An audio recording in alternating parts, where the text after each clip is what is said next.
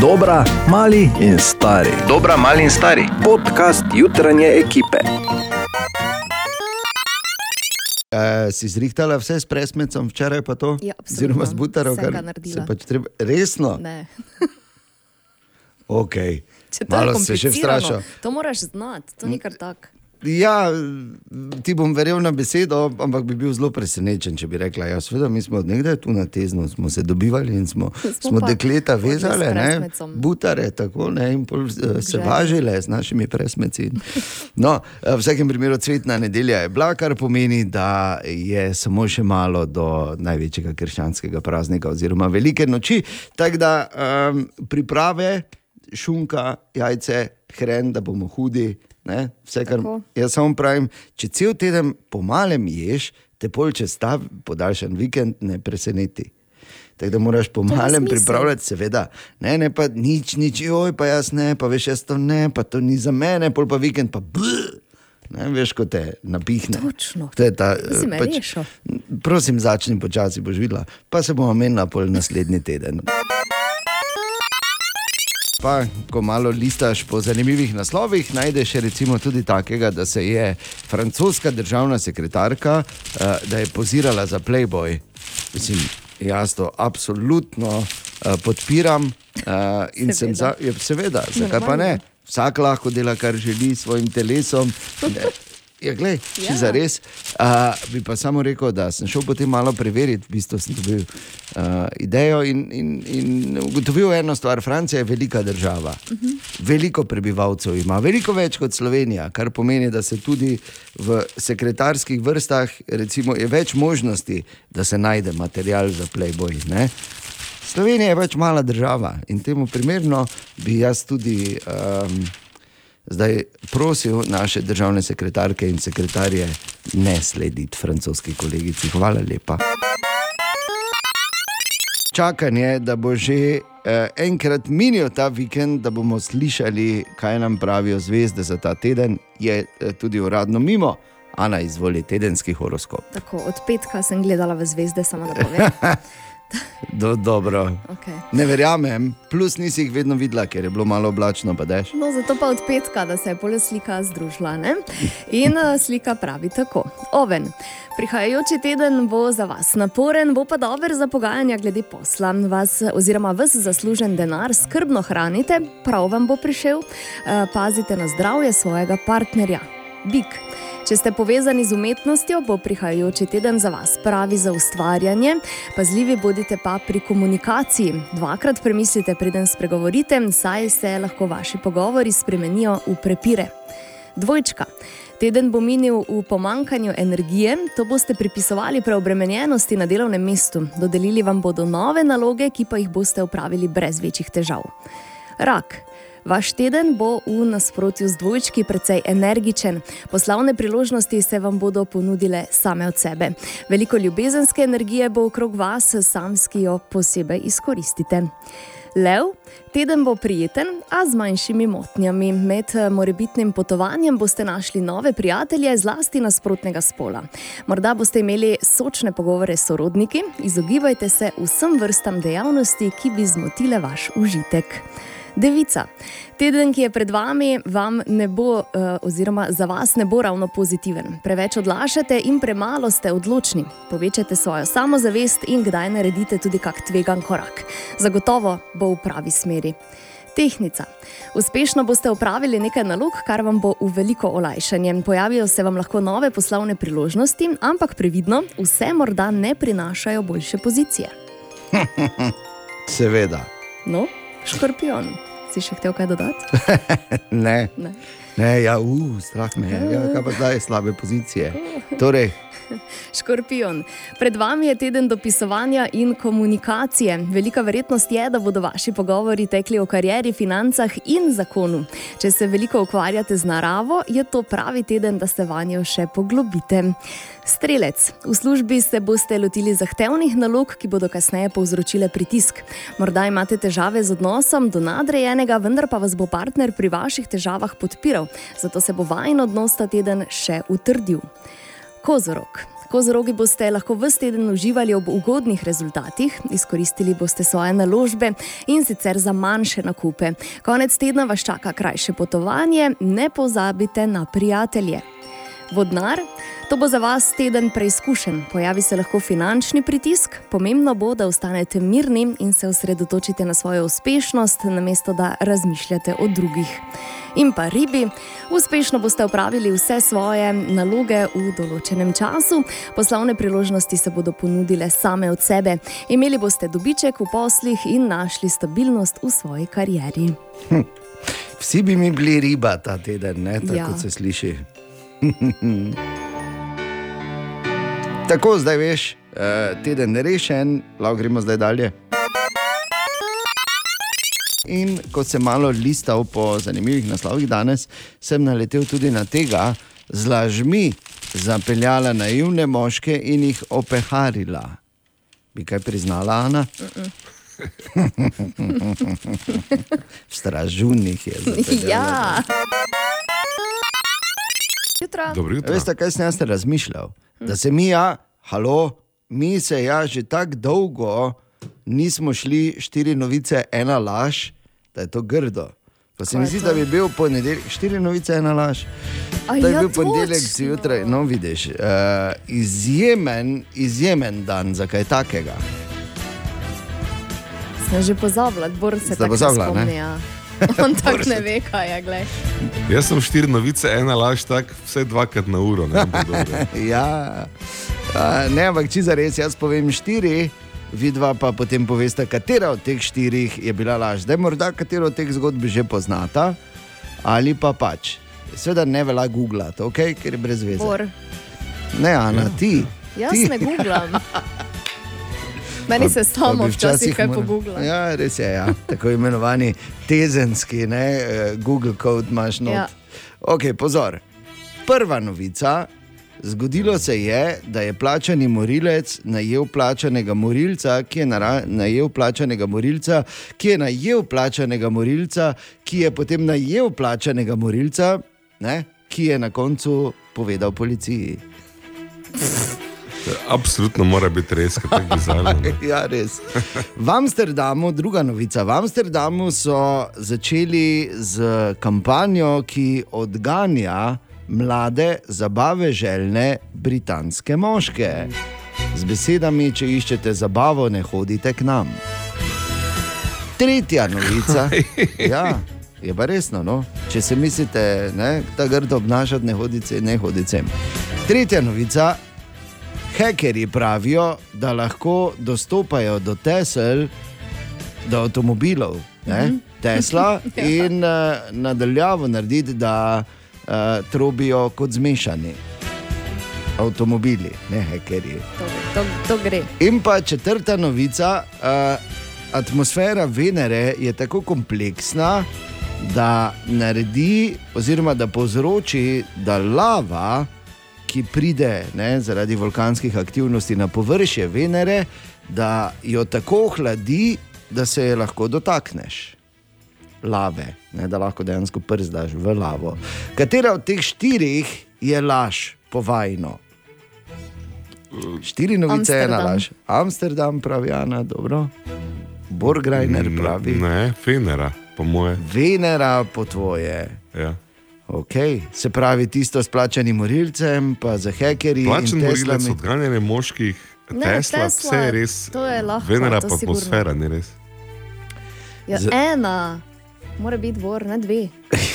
ja, se je rekel, ja, Venera, rekel, ti pa a si rekla. Ja, si Ti pa si rekla. Amsterdam in na koncu moram reči, da je zmagovalec današnje igre. Štiri novice, ena laž, Borgrajner. Bravo, bor. In ne, Bor nisem Grajner. še tiščala prsta v lavo.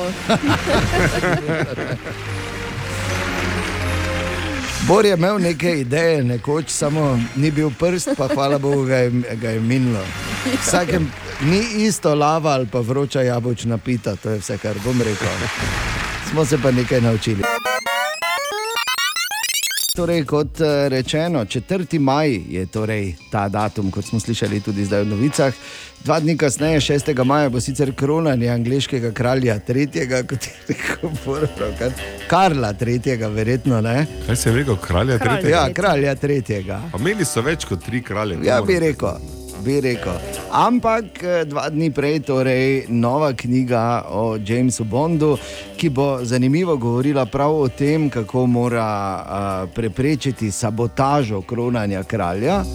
Ne, tako da vse je to dobro premišljeno. Je pa res, da bo, kar je še ena zanimivost pri tej knjigi, ki se je mimo grede, jaz zelo veselim in komaj čakam, da bo naslov v službi njegovega visočanstva, v, kar je v bistvu tudi neke vrste omaž prvi knjigi o Jamesu Bondu, ki jo je Fleming izdal pred 60 leti, ko je bil naslov v službi njenega visočanstva.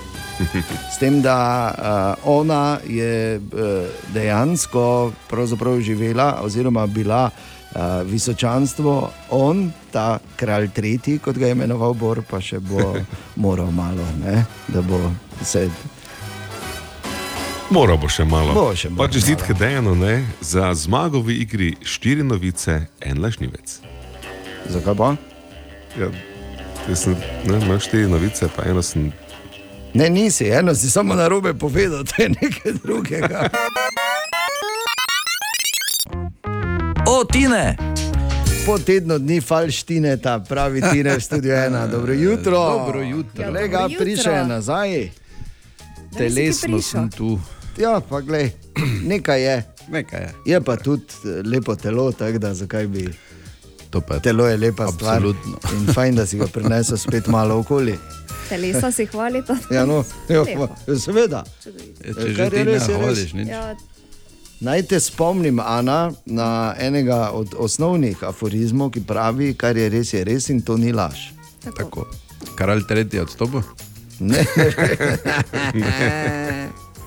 Ja, Ne preverjam, samo je. stari poglavar. On je še iz časa, ko ni bilo kraljev več. Malo, edino zmatra, malo me vse boli včeraj, ker na dirki bil, ne. A, si po bil? Flanderju, že me- si vozil. Ampak vsaka čas pogačar je še enkrat, kaj jim je spet naredil. Po 250 km je pol šprintal v, in se odlepil v breg gor po kockah. Kockasti. Noro, res. Mislim, lepo te je speljal na let, ne, ker je on je utrujen. Jaz sem slike gledal na družbenih omrežjih sprotnega dogajanja. Pa bi tam rekel, da je dobro si preživel, ne, ne samo da si utrujen. Jaz bi tudi tvoje slike gledal, pa me je nekdo spet napadal z nekimi Poslovnimi priložnostmi. poslovnimi priložnostmi, pa z nekimi ugankami. To je neka nova fora, zdaj ne. Še Nekaj, zdaj nisi. Ne, sem, torej eh, ta zaplet je imel včeraj epilog, um, tako da sem negerice bom vrgel. Ampak si. če, če pa imaš preveč denarja, pa lahko nakažeš Okej, 500 zdaj evrov pa- zdaj pa, ko si jih- priložnost. Zdaj, ko si jih ven vrgel, zdaj pa si še te Instagram reši. Okay, Tine, kaj imamo danes? Um, eno, uh, v bistvu nemško besedo imamo, uh -huh. nisem vedel, da je to taka mednarodno priznana nemška beseda. Dobro. Forwurf efekt. Kaj pomeni forwurf efekt? Pred, uh, predsodek? Ne, to sem jaz tudi mislil. Ni? Forwurf efekt je. Naprej vržeš. To, to vsi poznamo. Absolutno se je skoraj da upam staviti sem zgodilo. Ja. To je veš, ko nekaj ne dela, dokler drugem, drugemu ne poveš, da to ne dela, pa mu pokažeš, pa Ja, valjda po- dela. je. Pa začne delati. Ja, joj. Ne vem, priješ k mehaniku, Jo, tu mi ja. nekaj klacka. Vklopi, valjda nič ne klacka. Ja, ko ti avto ruži, pa, pa ti ruži, pa vsak dan pa veno, pa pa kličeš, ja pridi, pa štartaš, pa dela perfektno. Forwurf efekt, A, se temu reče. Hvala lepa, pa smo se nekaj novega naučili. To je vprašanje za High-Fake, za uh, prvo v uh, tem novem tednu in je sicer, sicer to vprašanje Tima, ki sprašuje, kako zares delujejo magneti. Tako da daš več skupaj, se prime. Pa se Če... primeta, ali pa da se odbijeta, ne tako če- dela za res. Tako, tako za res delajo, Je. ampak verjetno obstaja še druga razlaga v aha efektu. takoj po- Aha, aha, aha, aha, aha, aha, aha efekt. Bor odgovarja na vprašanje Tima, ki ga zanima, kako zares delujejo magneti. Torej, Dragi tim, magnetizem je fizikalni pojav, snov privlači ali odbija magnetno polje. Dva vira sta za magnetizem, električni tok in pa spinski magnetni momenti osnovnih delcev, elektroni, tako se vrtijo, ustvarja magnetno polje. In ko so magnetni momenti elektronov poravnani, potem nastane res močno magnetno polje. Magnet vsak ima severni in južni pol, privlačita se z nasprotnim polom drugega magneta, odbijata z istim. Uh, železo, nikel, kobalt, uh, to so najbolj primerne snovi za testiranje magneta. Mm -hmm. ja. hladilnik, recimo, tam se magnet Ja. prime. Zdaj, eh, zdaj čakam, ne, če bi jaz bil zdaj če GPT, bi me pri nastavitvah zdaj kliknil. Ne, torej, ostanemo pri teh nastavitvah, ali gremo v Maxwellove enačbe. ne? A, če bi ti bil čet GPT, bi zdaj bil v Italiji prepovedan začasno, ja. kar se mi zdi edino pametno. Pet Ja. Pa minut da, pred kako osmo. is- Ja, no, kaj je? Ali tudi vi pogosto totavate v temi? Aha efekt, da boste vedeli več. Torej, tudi aprila bo za v kino id definitivno. Pa kar poglejmo, kaj bomo videli. Prihaja ta težko pričakovani film, mislim, težko pričakovani. Zdaj, če si športni navdušenec, pol uh, zagotovo poznaš eh, Michaela Jordana. In uh, če si starš najstnikov, potem veš, da so pritiski za Nike Ones. Ne? Ampak kako je sploh prišlo do tega sodelovanja in kako je eh, relativno majhna eh, tovarna športne obutve postala tako legendarna, to bo v filmu R. 6. aprila pride v Maribox, torej čez tri dni, eh, Ben Affleck igra in eh, mislim, super film. Jaz se v aprilu sicer najbolj veselim uh, filma Renfield. Renfield je karakter iz Drakule. Ne, Aha, to- tokrat, ja, ampak pazi, naredili so tako zelo zanimiv take je na to legendarno zgodbo. In sicer Enfield je njegov služabnik, se veš, ki uh, vse čas okoli govori: life, life, give me life, master, give me life. life, life, life. Tako je bil predstavljen do zdaj. Ja, in je to te kubilice, pa to ne. Si v prostem času Ampak- si on, Ja, glede na ja. to, kako se ga ponaša. life, master, give me life, master, master, give me life. Lives, lives. No, skratka. Jaz bi bil dober, samo so me pač zaobšli, malo sem prestar, pa preokrogli. Ne? Ampak eh, dejstvo je, da pač hoče po stoletjih službovanja velikemu mojstru, ki ga mimo grede v tem filmu igra Nicolas Cage, se ja, reči, osamosvojiti. je To lahko res super sprav, pa super narobe. Ne? Ja, v mojem bo dobro. Je. Zdaj, če si fan žanra, kot sem jaz, zagotovo bomo ta film gledali. 13. aprila pride v Maribox in pa mogoče še. Ta zgodba iz Borove rane mladosti, zgodba o treh mušketirjih v Franciji. Trije mušketiri, D'Artagnan, prihaja 20. aprila. Ja, veš, tisto, Angar, Tala, Suzu, Fufulubu, Babelemu, Vamalemu, Segedzu. Veš, tu tam bi lahko. ne? Jaz sem ostala brez besed pri tem stopu. pri teh vložkih. kaj ne? Ja. In pa sicer ne bo v marcu, ampak bo pa čisto na začetku maja in sicer 4. maja prihajajo varuhi galaksije, tretje dejanje, ki pa si jih bomo gledali v City Kino premieri, eden najtežje pričakovanih uh, nadaljevanj uh, še ene Marvelove sage. S Krisom Pretom, jasno, da v glavni vlogi, tako da lepo ja. bo. Ja, rešen mesec. Ne? na nek način. Samo pač, da se lahko pripraviš, ali pa da na karkoli v mesecu, ki se pravzaprav šele začenja, ne pozabiš ali zamudiš. Tu je naš priljubljen jutranji segment izborove špajze, ki pa bo danes malo drugačen. Namreč danes je tu en potopis, ko pragamer gre na prvo gamersko konvencijo v Sloveniji, na Game Gang Show. Ja, torej, Game Gang Show in ostareli gamer, hvala, da sta minuli vikend lepo šla kaj? skupaj. Bilo je res kaj za videti od Edward Koenig Waterblocks, ki so slovensko podjetje v vrhu pri rešitvah za vodna hlajenja, ampak vseeno so jih mogli nekaj naučiti o barvah. Barva je lahko, glede na počutje, tako da se lahko spremenja, kako želiš. Aha.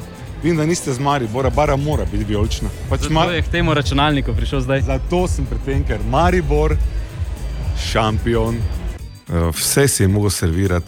Eh, Tudi Štajerk ni manjkalo, ena je bila pri tipkovnicah podjetja Marvo in ko jaz njo zvijam, kje tipkovnico mehansko pa ima rada, ali ima rada bluje ali red cviče, ona pa meni. Um, niti ne, niti ne. Sem bolj staromodna, nisem preveliki gamer.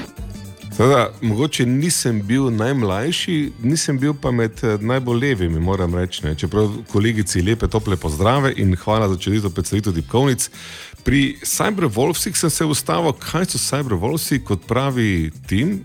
Trije študenti so ustanovili prvo profesionalno organizacijo, ki skrbi za razvoj gamerjev. Lahko si predstavljamo kot en nogometen klub, samo da je to za e-šport, se pravi za razno razne igre.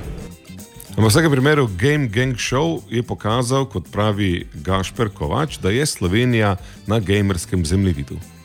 Slovenija se je že kazala na svetovnem zemljevidu. a ne. Smo imeli par, uh, par že slovenskih igralcev, ki so igrali v top ekipah, kot so Fnatic, G2, uh, tudi v Fortniteu imamo.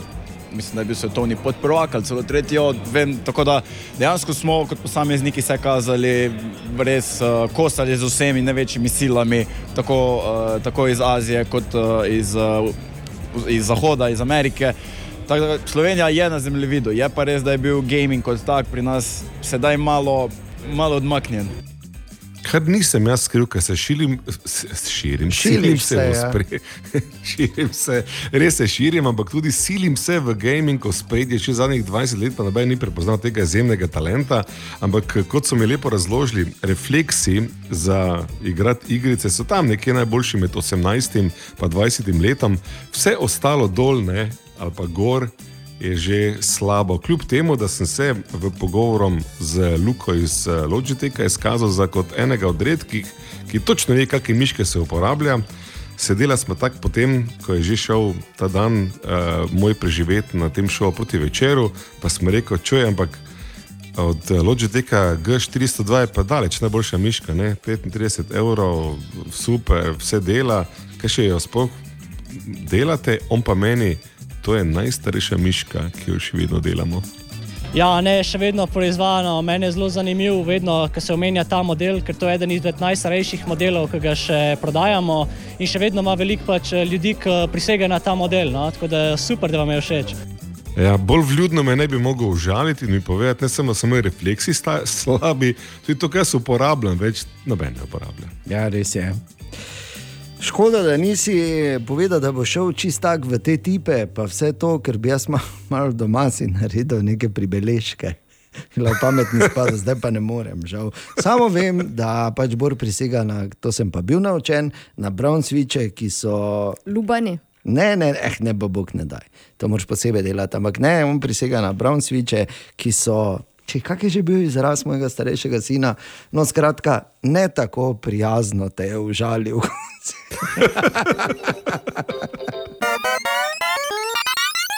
Ja, je pa 4. april poseben dan v zgodovini našega mesta, to pa moramo povedati na današnji dan. Pred praktično 200 leti uh, so v Mariboru, pravzaprav v prvem mestu v tem delu Evrope, uh, zagorele žarnice oziroma ulična razsvetljava. Tako da ni več bilo onega, ki bi, recimo, če bi tako pihalo, ko je prižigal one lučke, ne, Obogeri, petlek, Ja. ko bi mu veter gasil. Ja, bo veter gasil, pa bi moral laufa cel cel pa prižigati, pa cik, cik, cik, cik, eno, tuč tiste kamne, ali kako so to včasih delali. No, v Mariboru to več ni treba, medtem ko so recimo še predlani to delali v katerem od mest, v Kranju, baj. Uh, v Mariboru to že praktično 200 let ne počnemo, tako da to je. Uh, to je ena taka zanimiva, ampak je pa res, da je 4. april še izjemno, izjemno mlad oziroma zgoden, tako da lahko je posebej legendaren dan to tudi zate in to ti želimo. Upam, da ste dobro spali, e, treba bo zavihati rokave, očitno, če se že slišimo tako zgodaj zjutraj. E, torej, kot smo slišali, nova prevara e, je iz Fursa, naj bi vam pošiljali, da, da morate vpisati neke podatke. To je pa ena od bolj brezveznih prevar, se mi zdi, oziroma ena od bolj prozornih. Zakaj bi tu človek nasedel? Ker verjemi, če ima kdo tvoje podatke, ima davkarija. Ja. Tako da.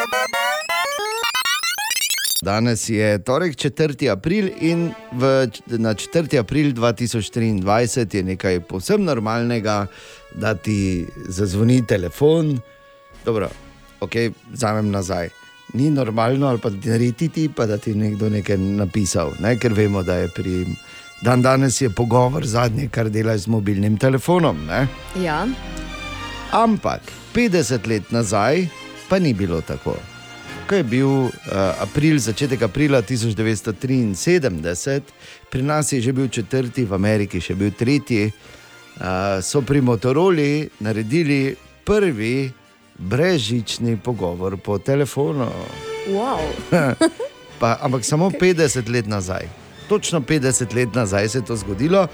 Telefon je bil seveda prototip, reklo se mu je Dajnatek, bil je dobesedno cigl, ker zdaj tu so prvim tistim navadnim mobitelom, ne, ne GSM-om. Veš, ko so bili tisti benefoni, ne vem, verjetno si premlada, da bi se spomnila, ampak tistim so rekli cigli. Ampak niti približno ni bil cigl v primerjavi z Dajnatekom, ki je imel približno eno kilo, je bil težki in četrt metra dolg. V bistvu. Spet opisujem telefon, da ne bi kdo narobe razumel. okej. Uh, in tam so opravili na tiskovni konferenci prvi pogovor ne, po taki brezžični tehnologiji. In prvi uporabni so sicer prišli deset let kasneje, v začetku 80-ih.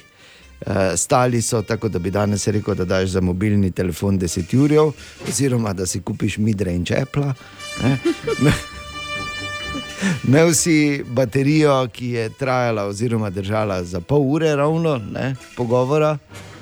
Um, in uh, zanimivo je, da ko so pri Motorola to naredili pred 50 leti, sploh niso bili ziger, da, da, da bo to sploh stvar.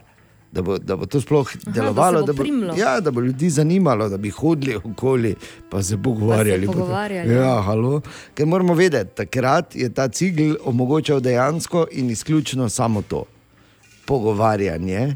Pa še to nisi smel biti, ne vem, kako daleč od eh, te postaje, ki je bila. In pač malo drugačna in bolj primit, pri, pod narekovaji, primitivna tehnologija je bila to. No, in 50 let kasneje, poglej, ne, mobilni telefon obvladuje svet, nas, naša ravnanja, v bistvu uh, uravnava vse, praktično vse procese, ki jih izvajamo skozi dan, in omogoča uh, Big Brotherju, da točno ve, kaj smo, kje smo, kaj delamo, kaj imamo radi, kaj nam danes paše, kaj nam manjka in kaj bi nam kje in ob vsaki priložnosti lahko prodali. Hvala lepa, Motorola. Torej. In ko listamo po zanimivih naslovih, kaj je bil najzanimivejši, ki si ga ti danes prebrala, mimo grede, Ana? Nič ekstra še nisem prebrala, tako da nimam Ja, nekega okay, torej delaš vse, da gledaš in da si budna, v bistvu pa globoko v sebi spiš. Morate vedeti, da je v tisku, da dela. Ne se delam, Da, samo ne berem naslovov. Aha, okay. Samo vsebino. Ne? Ana preskakuje naslov. gledam. Kdo je na teznosti, nikoli nisem mislil za tako stvar kot naslovi, čas, halo. No, ampak tu je, tu, je, tu je še en in sicer tako piše: Še sem živ, je tvitnil papež Frančišek iz bolnišnice. Eh, Kamor so ga odpeljali, par dni nazaj, zaradi In težav z dihanjem. In je tvitnil, še sem živ, kar je dober obet pred uh, velikonočnim vikendom. Ne? In nekaj, kar odbora še čakamo dan zjutraj. In če se kdo sprašuje, kaj neki se tam zunaj dogaja, naj samo povem, da piha kot pes že nekje. Ne Je, ne, to je ta uh, prva informacija, ki sem jo jaz dobil danes zjutraj. Namreč, ne. In druga, da, je, uh, da obstaja resna možnost, resna možnost, Da te odpihne? Ne, ta pa ni. pri meni ta pa- obstaja. Ta pa ni, ampak da obstaja resna možnost, da bomo kmalo, čisto za res, lahko poznamo risanko Moana iz leta Ja. 2016. No?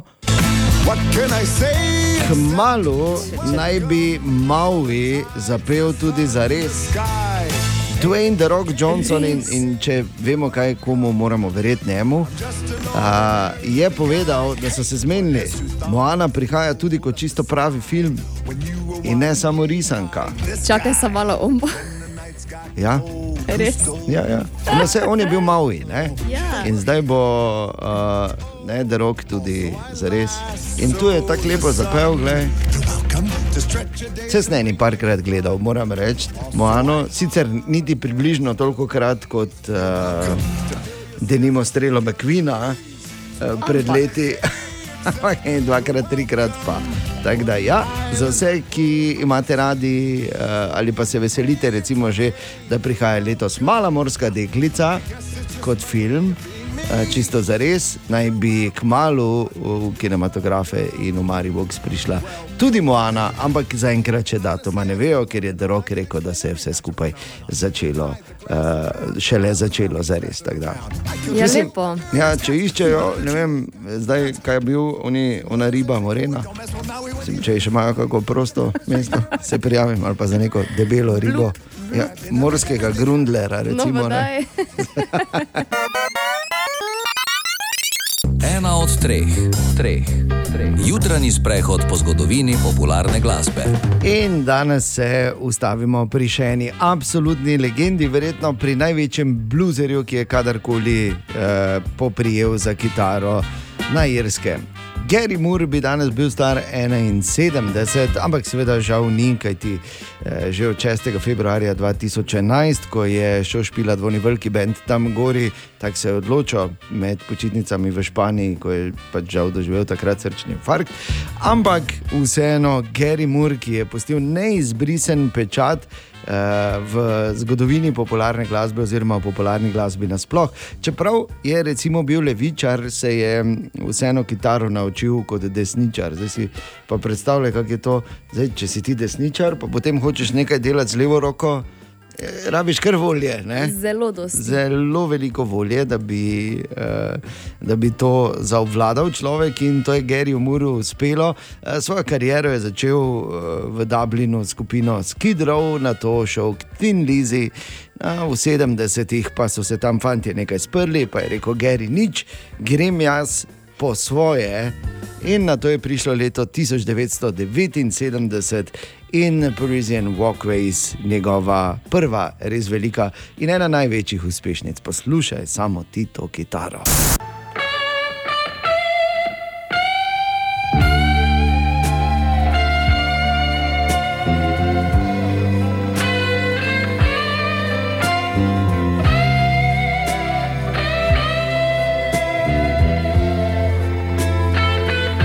Pa se ne, da Gary Moore ni znal pet, daleč od tega, ampak to, kako je pa pela njegova kitara, je pa uh, njegov les pol, je pa seveda nekaj res izjemnega. Od Garyja je recimo tudi ta legendarna. You know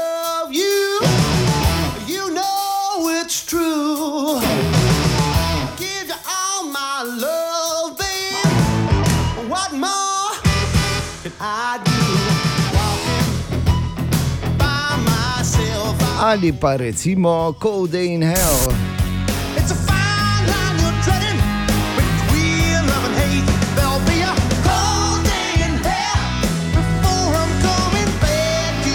Sicer pa je Gary bil veš pravi ded, ker je imel eno tako brazgotino na obrazu, to pa je dobil uh, enkrat v gostilni, ko se je pač skrego zaradi ene ženske, seveda zaradi česar pa, pa mu je en uh, zalučal uh, pač krigl v obraz ne, in je nastala. Ta. Ja, no, glej, pravi ded mora imeti uh, uh, neke brazgotine.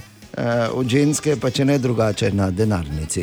Gary Moore torej, bi danes bil star 71 in tu je uh, verjetno uh, ena od top 5 balad, kadarkoli napisanih, in uh, top 5 kitarskih solotov, kadarkoli napisanih. Spomin Garyju, still got the blues for you. Okay, zdaj pa čiza res in na brzino, ali bi se raje počutil, kot da te je krava prežvečila, ali bi raje zgledal, kot da te je krava prežvečila in se pač Oh, zgledal, zgledal, zgledal. po njenem. Verjamite meni na besedo. Nič od tega. Ja. Včasih pač greš dva za dva, ne, kot Ja. se reče. Kar kul ali kar slabo. Gremo, da vidimo, kdo si je pripravil kul ali kar kul ali kar slabo dejstvo, s katerim eh, želimo imponirati. Tako, in naj povem, Ana, izvoli, ja. da je nekaj tednov nazaj bilo v Franciji srečanje smrkcev. 2600 ljudi, oblečenih v smrkce, se je zbralo. Hteli so porušiti svetovni rekord, ampak ga niso, ker je ta padel leta 2019, ko se jih je zbralo 3549. Joj, Za Jurija so svalili, av, Ja. grdo. Ampak dobro, da si rekla Manjkali smrkcev. Uh, jaz mislim, da uh, tako veš, prva, ko si začela govoriti, je bilo asociata- asociacija, da boš rekla srečanje smrkavcev. To bi se jih nabralo.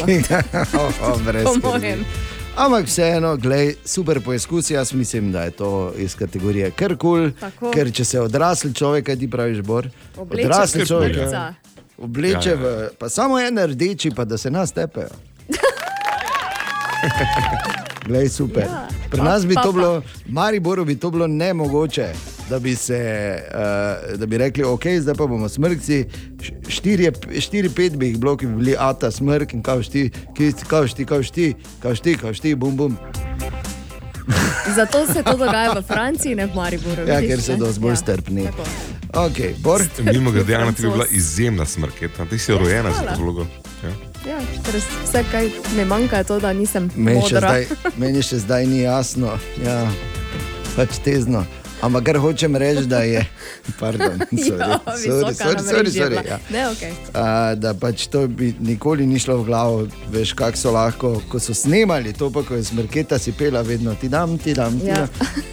Zakaj niso razmišljali? Ja, ja. Bor, Jaz sem si kupil največji disk v življenju, velik je 18 tera, en privatni projekt imam, v katerem eh, hranim filme, risanke in podobno za pač eh, tak domačo rabo. En taki disk stane 300 evrov in ga kupim in pol ugotovim, da če imaš ti karkoli shranjeno doma, vedno rabiš disk v paru.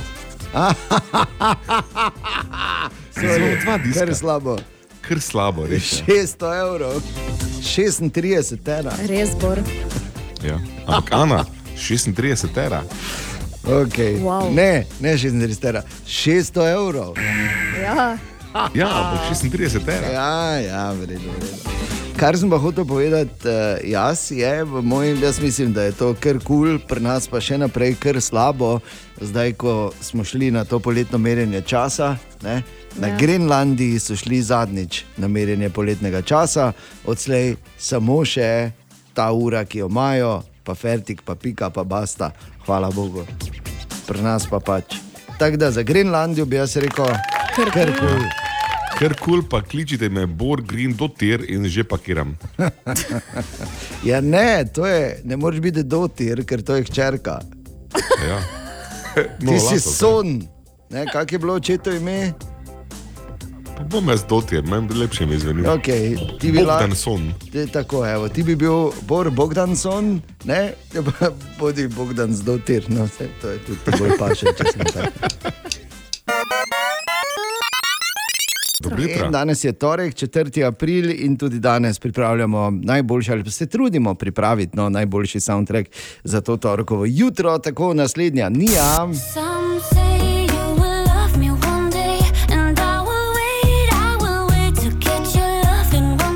pa še en legendarni hit, pri katerem je eh, saksofonski solo odigral Bor takrat.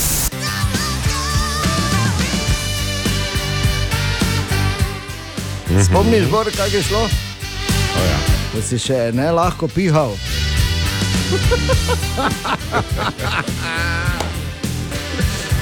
Je, tako je to, to je ta žalostna življenjska resnica, ko smo na neki točki lahko pihali, pol pa še samo vlečemo.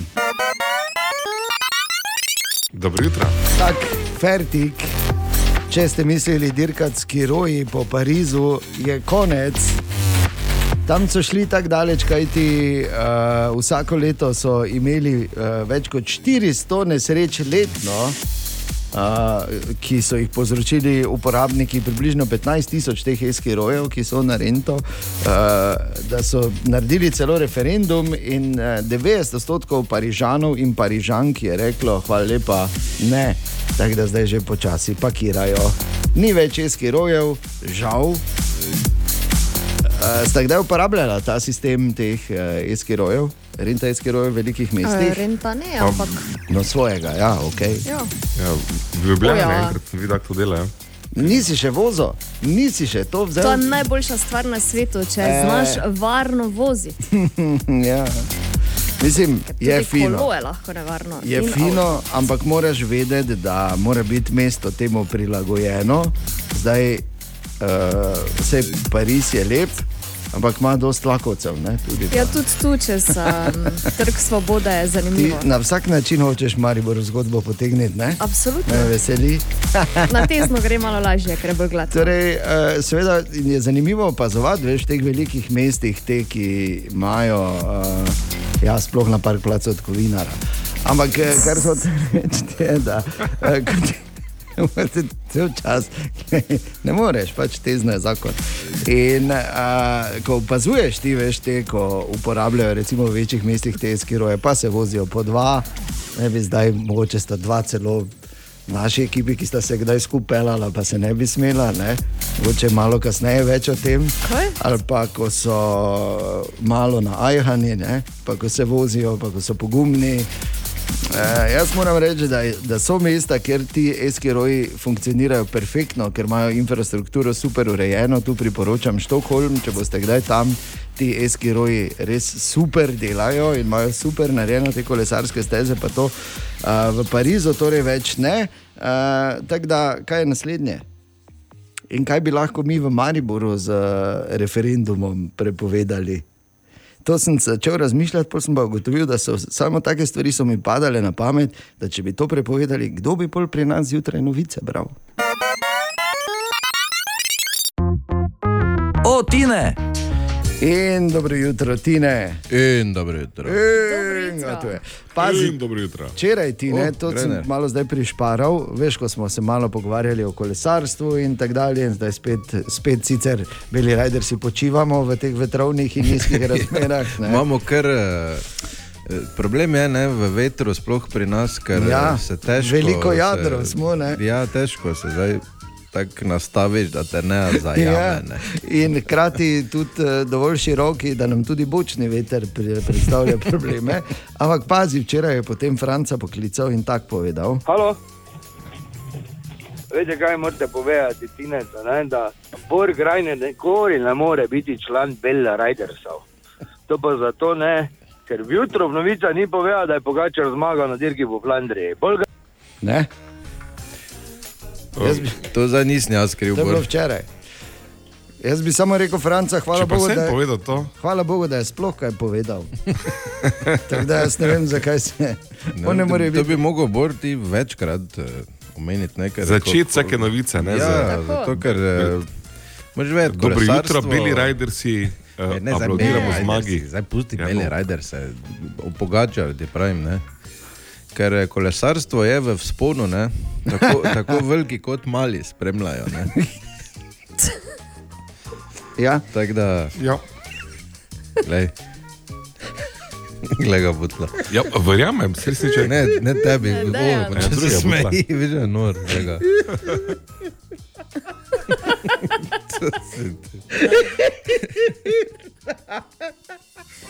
Jaz mislim, da ima to točno določeno sliko. Ja, Nekaj, jaz Tako smešno, bolj nismo, verjetno, ne, da se ovi tako smejijo. Ne bi vedel, ampak zanimivo, da se za nos drži, ko se smeji, to je nova. Ne? Le, kaj ga vidiš? Ne, za oči, ker se joče poleg. Dobro, pustimo zdaj to. Ne. dajmo, ja. Dajmo iti eh, na. Da ga nekdo reši, prosim. Ne, pa pusti, ga naj uživa, kaj ti je. Dobro, da se glej, ne na zadnje eh, pravijo, smeh je nalezljiv in če se že zjutraj smejiš, je to nič kaj slabega, ne more biti. Ne. Zdaj, če se kdo smeji zraven, glej. Kot stripi, veš, ko so se na koncu vsi smejali. Ja. Veliki pa mali.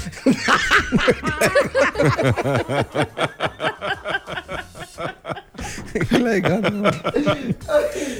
Joj, joj, joj. Ne povej ti, ne. Ne povej, dobro. E, te pa gremo na eno fobijo hitro, Ja. za katero po mojem vsi malo trpimo. Ergofobija. Zato?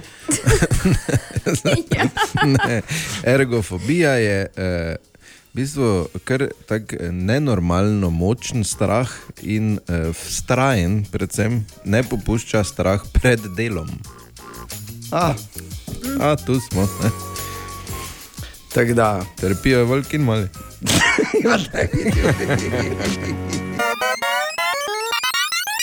Torej, dejstvo je, da se ljudstvo ali pa vsaj uh, določen odstotek, verjetno premali, uh, ukvarja s tem, kam zdaj to pelje, ali je duh res ušel iz steklenice. Govorim seveda o tem ChatGPT-ju in umetni inteligenci. Uh, vemo, v Italiji je že prepovedan, uh, vse začasno, uh, torej Musk in Vozniak sta pisala pismo vsem odločevalcem, da naj dajo malo na pauzo. No, malo smo aktualno stanje in kaj se dogaja, in uh, kaj sledi, vseeno probali raziskati. Tomaš. Umetna inteligenca je bistveno naprednejša, kot si predstavljamo. Tudi ljudje, ki delajo na tem področju, so presenečeni nad njenimi zmogljivostmi. Seveda pa je tukaj zelo pomembno vprašanje, ali je širša javnost pripravljena na umetno inteligenco. Načeloma smo že vajeni umetne inteligence, pravi, na nek način smo pripravljeni na njo. Mogoče bi pa izpostavil, da v določenih primerih še nismo pripravljeni na nek nivo umetne inteligence. Pravi, to, kar zdaj spremljamo v zadnjem času, je ali manj v roku ne vem, meseca, dveh mesecev, ker neka eksplozija novosti. Seveda smo pripravljeni na umetno inteligenco, ampak če jo znamo obvladovati, bom rekel. Tako je povedal Mladen Borovič iz Ferije. Napredek, ki ga doživlja umetna inteligenca v zadnjih letih, je lahko na čase rahlo zaskrbljujoč. 29. marca je bilo zato objavljeno odprto pismo, na katerem sta bila podpisana med drugim tudi soustanovitelj Apple Steve Wozniak prvi mož Tesla Elon Musk. Pismo v bistvu nekako naproša ne, skupnost, ki se ukvarja z umetno inteligenco, da bi nekako stisnili pauzo na razvoj. Lahko interpretiramo v dve različni smeri. Ne. Prvi je, da glede na to, kdo je to podpisal, vidimo, ne, da so to kar večinoma ljudje iz kroga, ki je blizu Google, kar nekako lahko nakazuje na to, da tisti, ki so trenutno v ozadju, v napredku, malo želijo nadoknaditi. Po drugi strani pa pozdravljam takšno pismo, zato ker um, je pač potrebno nekako takšno pomembno stvar, kot je umetna inteligenca in razvoj le te tudi, mislim, da malo regulirati. Trenutni razvoj je prišel tako daleč, da, da nam v bistvu omogoča kar, kar kompleksne in pa napredne zadeve. To so zadeve, ki jih tudi mi, ki se s tem ukvarjamo, ne razumemo, zakaj delujejo tako, kot delujejo, ne vseh vsaj. Umetna inteligenca je torej neizogiben del človekove prihodnosti. Tako kot so se naši predniki morali navaditi na elektriko, se bomo morali mi navaditi na umetno inteligenco v našem vsakdanu. Ampak vseeno bomo naredili verjetno isto napako, kot so delali tisti z elektriko, da bomo na vsak način silili, da se ona privadi na nas, ne mi na njo. Jaz ne bi to, če mu rečemo umetna inteligenca, silo v karkoli. Ja. Kaj ni? Kaj umetno inteligenco moti, pa ti reče, pa kaj me ovo tako, da, da zradiramo do te. Ja. Pazi, če bojo šli po ulicah.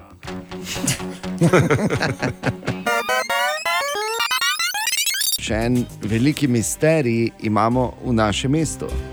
Misterij vreden največjega detektiva vseh časov. To je seveda Sherlock Holmes, Tako. da smo si na jasnem. In sicer, zakaj za vraga noben noče vzeti v najem gostilne pri treh ribnikih? Jaz sem zadnjič šel mimo, prisežem, da ne smrdi, ali pa ne vem, zakaj ne bi hodil. Ne. Nihče ne želi torej vzeti, uh, vzeti te gostilne v najem, tako da jaz mislim, da bodo morali na občini pač uh, potegniti duta, ne, sami vzeti v, v najem, pa gostilno preimenovati v gostilno pri treh podžupanih. Kak pa čas leti, ne? še malo nazaj smo se hecali, haha, glej, ne, ono, ha, šlic imaš odprt, kaj, 1. april, haha, zdaj je že peti, recimo. Ne? In stvar. Ti, Grozno hitro gre. ja, e, e, sploh to šlicom. Ne? Ja. A, Ne, to se zdaj na robe sliši. Torej, a, kaj se takega dogaja pri nasi, so denimo predstavili spet ekipo, ki bo letela eh, na Luno, ne, njihov Artemis projekt, ki bo leta 2024 ponovno popeljal človeka na Luno, oziroma štiri ljudi. Zdaj ne vem, če bodo ravno vsi štirje stopili na Luno, ampak prvič po letu 1972. Si predstavljaš, kako grozno mora biti, da si v ekipi štirih in si tako blizu, in pol ne greš ven, ko si zgoraj? Absolutno si ne predstavljam, ker ne bi šel. A ne bi šel? Absolutno me ne zanima. Me ne zanimajo prostori, kjer ne morem, oziroma destinacije, bom rekel, ne, kjer ne morem iti ven in pokazati mojega lepega telesa. Ne. ja. Veš, normalno Ja, to dihati, ne veš, ne, komu bi lahko zgoraj kazal. Ja, no, pa na Luni, veš, kaj ti hočem reči. Ne vem, če si bojo ravno kazali, ampak so, so, Bog ve, kaj oni delajo. Ne? Ja, res je. A, v breztežnostnem prostoru, ampak eh, je pa zanimivo, da so naredili zelo politično korektno ekipo. Namreč štiri člani imamo uh, v tej četverici, prvega temnopoltega uh, astronauta, ki bo letel na Luno, pa prvo žensko, ki bo letela na Luno, pa prvega kanačana, ki bo letel na Luno. Ne vem sicer, če je iz, eh, po mojem, najbolj zacrknit, eh, mesta z najbolj zacrknit imenom, iz mesta Regina. A je točno. Ampak, ampak v vsakem primeru leta 2024 torej bo šla ta eh, ekipa gor, tako da odlično. To je ena novica, druga, pravzaprav bi lahko rekli po teži, zelo podobna novica pa je, da naj bi še letos tudi pri nas v McDonald's prišel McPlant, oziroma to? veganski burger. Res. Ja, to je približno enako kot to, da gremo po 50, dobrih 50 letih spet na Luno. ne. Tako Da, ampak super, da se zaokroži to vse skupaj. In moram reči, da je to samo čisto slučajno, da razlagamo to novico danes, ko je sreda. Oziroma, kot reče, Super sreda. Ana Barva je že izbrana, ki bo prevladovala v košarici. Ja. Katastrofa, jaz sem razočarana sama nad sabo letos. Sploh ne vem, na kak način bom Ne. barvala jajca. Ne. Pa kakih boš, no, na, a je na kak način? Mislim, Dobro. pač, ja. Mi imamo doma plan v teranu, ponovno, ker se A, bolj tako lepo svetlikajo, ja. tako da samo kot idejo. Kaj pa potem gor, uh, boš delala, uh, boš risala ali boš lepila obcuk mandle ali kaj boš imel? Bom ti povedala potem torek za nazaj, dobro? Okay. Ja, boš imela obcuk mandl. Bor, uh, kak si rekel, v Parizu bo razstava uh, faraoni in njihova zlatnina, ali kaj že? Ja, ja, na temo Ramzesa II. No, samo fino. v Parizu bo njegov sarkofag. Ok, eh, lepo. Plus uh, zlatnina, ne? tako da si, si, Ja. pos, si posodil dedekovo verižico.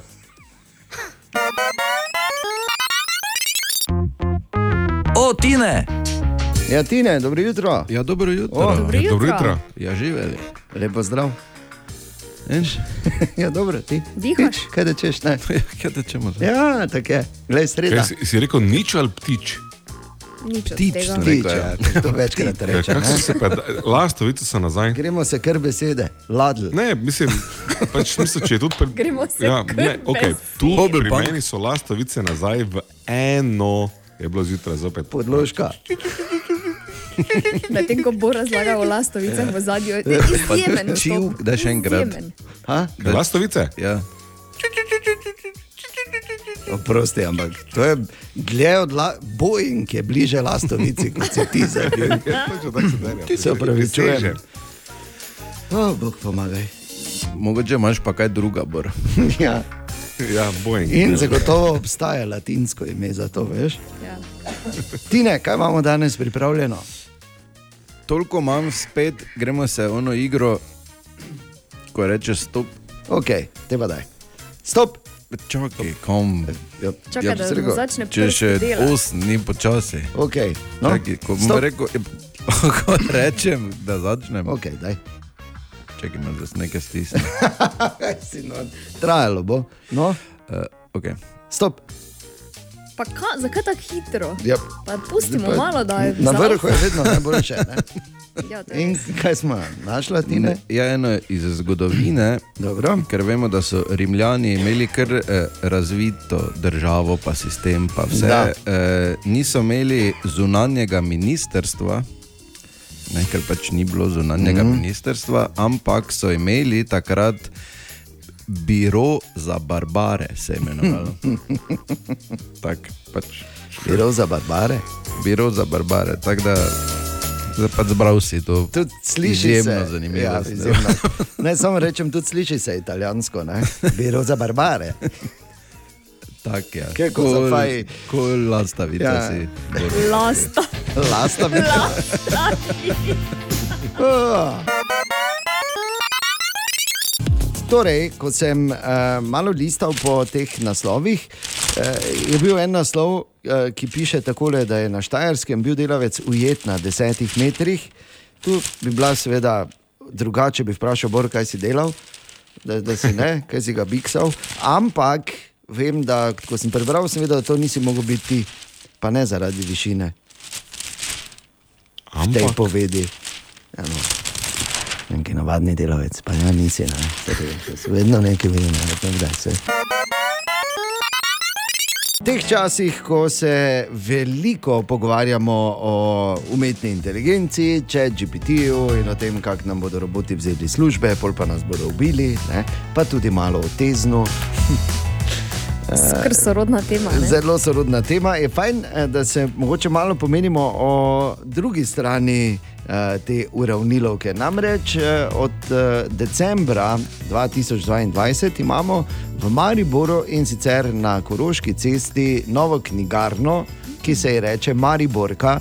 In morda uh, je kdo to spregledal, in se nam je zdelo pomembno, da na to opozorimo. Uh, v začetku so ponujali knjige in stripe, izključno iz založbe Vige Vage knjige, ki je odprla to uh, knjigarno, ampak uh, več o razlogih za odprtje in zakaj imamo novo knjigarno v Mariboru, uh, Zala Zagoršek Kolob. Nam se je zdelo v bistvu ful pomembno, da ima Maribor knjigarno, kjer lahko mali založniki po nekih normalnih pogojih prodajajo knjige. Zato, ker kot Mariborčanka mi je bilo vedno strašno bedno, da sem si mogla knjige po internetu z Ljubljane naročiti. Tako da smo se pol odločili, da Maribor rabi knjigarno, da, da je to v redu za mesto, da je to fajn za ljudi. Mogoče je to razlika, da bomo imeli res mislim, da 24 ali 25 malih založb, oziroma samo založnikov tudi, ampak upamo, da se bo še več, predvsem več mariborskih založnikov, uh, odločilo za sodelovanje z nami. No, odlično, uh, sicer pa Zala Mariborka. Odkot to ime? Vid Kmetič je v bistvu dal placu ime z Damienom Štepančičem, namreč v novembru, oziroma pač v jeseni, pri nas izdajata strip o Antoniji Bielajac in naslov tega stripa bo Mariborka. In ko smo mi to videli, smo videli, ha, evo, ne, imamo ime za knjigarno. Ta plac. Kjer smo zdaj, ta prostor ima ogromno zgodovine. To je bila prej usnjarna, v tej stavbi je bil prvi tonetov stol pri nas. Ja, v bistvu je eno tako full živo področje, tudi cela Koroška cesta. Uh, mi bi pa radi se poklonili temu. In ko bo izvesek, smo v logotip Mariborke vključili okrasje fasade. Zato, ker se zavedamo, da prihajamo v fulmočno lokalno okolje in nam je pomembno, da lokalno okolje nas prepozna kot nekoga, ki se trudi to ohranjati. Ne nekoga, ki gre z neko modernizacijo mimo, ampak neko sožitje med nečim novim, kar je prišlo, pa vseeno ceni zgodovino mesta. No, super. Torej, Mariborka, uh, knjigar, nova knjigarna na Koroški. Uh, v Mariboru zala, kakšen pa je kaj bil odziv v prvih mesecih? Zaenkrat je full pozitiven odziv ljudi, tudi decembra je bilo res veliko ljudi, tudi takih, ko so firpcali. In upam, da bo v bistvu ta knjigarna tu zares zaživela. No? Da se bo prijela, da bomo lahko imeli tudi kakšne pogovorne večere, v bistvu živela z mestom. No, to si želimo tudi mi, pogovorni ja. večer. To je narejeno, da povabiš uh, nekoga, ki zna veliko govoriti. No, se je Ja, se prepoznal, javim. te, ne, pa se Če, to, to mislim, če, če misliš, da se nisem prepoznal, se motiš. Ne? okay. Tako da eh, knjigarna Mariborka na Koroški. Uh, pojdi in preveri, ne? če rad bereš. Vsi bi morali brati, vsi bi morali več brati. Res je. Zadnja knjiga, ki si jo prebrala, Ana. Mm, Demšar je bil vi- virus. Aha. Zadnja knjiga, ki si jo ti prebral, Bor. Vem, da je Hammurabi avtor, niti naslova se ne spomnim, prišel sem pa do menda petine, pa še to Ja, ne glej. katerega, katerega eh, leta je bilo to? Hej, se je bilo leto, sem prišel, nisem nikam. Letos. Letos. Torej, začel si si Letos. prebral, ne. Wow, jaz Ne, moram ni, reči, ja, pač, hotel sem se izogniti, ne, nisem prebral, res je. Ja, še letos nisem, sem pa na zadnje klavnica pet od Vone Guta. O, Šlachthof. No, no, no, no, fünf. vidiš, vidiš, Mhm. ne? drezen pa to. Tu je naš priljubljen jutranji segment iz Borove špajze. Torej, Dobro jutro. Smo v svetu, ker nam nič več ni treba delati, ker če GPT in ostali umetno inteligenčni sistemi dela, dela na mesto nas. In sem mislil, zakaj ne bi poskusil tudi novinar tega, ker ne na zadnje nisem najmlajši, pomoč je vedno dobrodošla. Ne vem, če ste opazili, ampak pred Mariborsko legendarno kavarno Storijo so dali ven stole v teh dneh, kar pomeni, da voham, da se bo ta mini mestna sramota, ki so jo nedavno zaprli zaradi tega, ker pač davkarija ni uspela izterjati to, kar je od trenutnega najmodajalca zaprla, se očitno odpira. In zdaj, če GPT je izjemno pomagal, naj vam nekaj povem o zgodovini Astorije. Kavarna Astorija je bila v preteklosti ena najpomembnejših kavarn v Ljubljani, predstavljala je središče kulturnega in družbenega življenja. Tam so se srečevali umetniki, intelektualci, politiki in drugi družbeni veljaki, tudi slovenski pesnik Erazem Predjamski, znan kot Ezl Eko, ki je veljal za rednega gosta kavarne. Mm. Ja, ne. predjamski. Ali je- znan kot Ezl Eko? To je Ta- ta, ki je na VC-ju šel, ne? ko ga je kugla trofla, ko je sral, pa ne morem drugače reči. Za vse starejše generacije, ki vejo, kaj je ezle ek, ne, bi samo rekel, da jaz mislim, da vse lepo no, s to umetno inteligenco in vse, ne, ampak vrhunski vic pravzaprav. Ne, in seveda v upanju, da bomo spili kavo n- tukaj na legendarnem ezle eku, oziroma v najpomembnejši ljubljanski kavarnici Astoriji. Vas lepo pozdravljam in, Razen predjamski. in želim lep dan, kaj te to je res. Moje ime je Dejan in to je mladi Tomaš, zraven, mimo, zraven mene. Mladi Tomaš, zakaj dobro jutro, Tomaš? No? Dobro jutro. Ja, tako. Uh, zato, ker stari Tomaš je Tomaš Medvar, ne? in zdaj ti si mlajši. In uh, pa si mladi, Tomaš. ne, veš. Okej. Je v redu. Ja. Uh, to je treba vprašati. Originalni Top Gun si gledal? Sem gledal. Samo enkrat? Ene trikrat po A, mojem. ok, ok. Tri je spodnja meja, ne, ne, namreč eden od mojih najljubših filmov. In če bi primerjal zdaj starega pa novega, Ja. je Ja, moram reči, drugi del presenetljivo dober za to, da je del. vrhunski v bistvu, ne? Glede na to, kako dolgo smo ga čakali.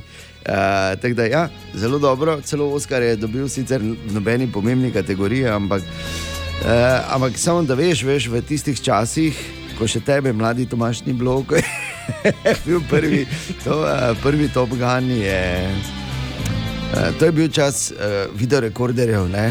in piratskih kopij filmov. Ko si gledal film, pa si si pol časa moral misliti, kaj gledaš, ker tako nisi videl, ker je bilo vse skupaj tako razmazano in tako slaba kvaliteta. Ampak uh, me pa veseli, ne, da je ta ljubezen do 80-ih živa.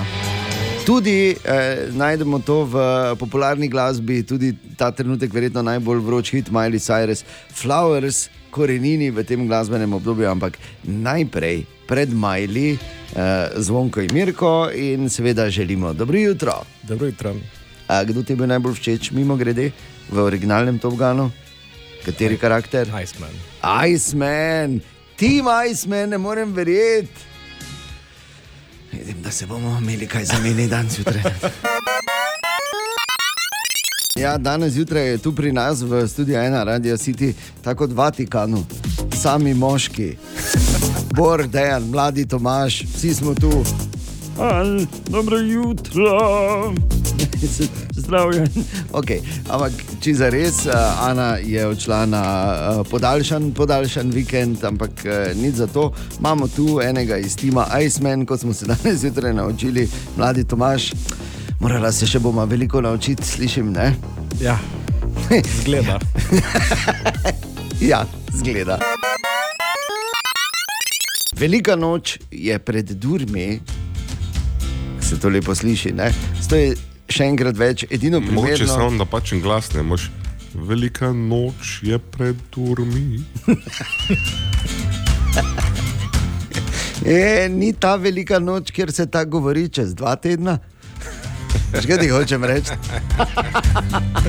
Ne, ampak uh, veliko smo že govorili zdaj, uh, tudi že včeraj, o tem, da se bodo seveda uh, barvale jajce, da bodo pirhi in da obstajajo številni načini, uh, kakih, uh, kakih pripraviti ali v rdečem vinu, da jih lepo ne uh, notri ali pa v čebulnih olupkih. Pa da imaš neko uh, suho cvetje ali pa liste ali pa deteljice, pa daš gor pa štumfo, pa noter, da je lepi vzorec gor. Ali pa se uh, pač eh, poslužiš te stare metode za obcuk mandli, ne, to so tiste nalepke zajcev.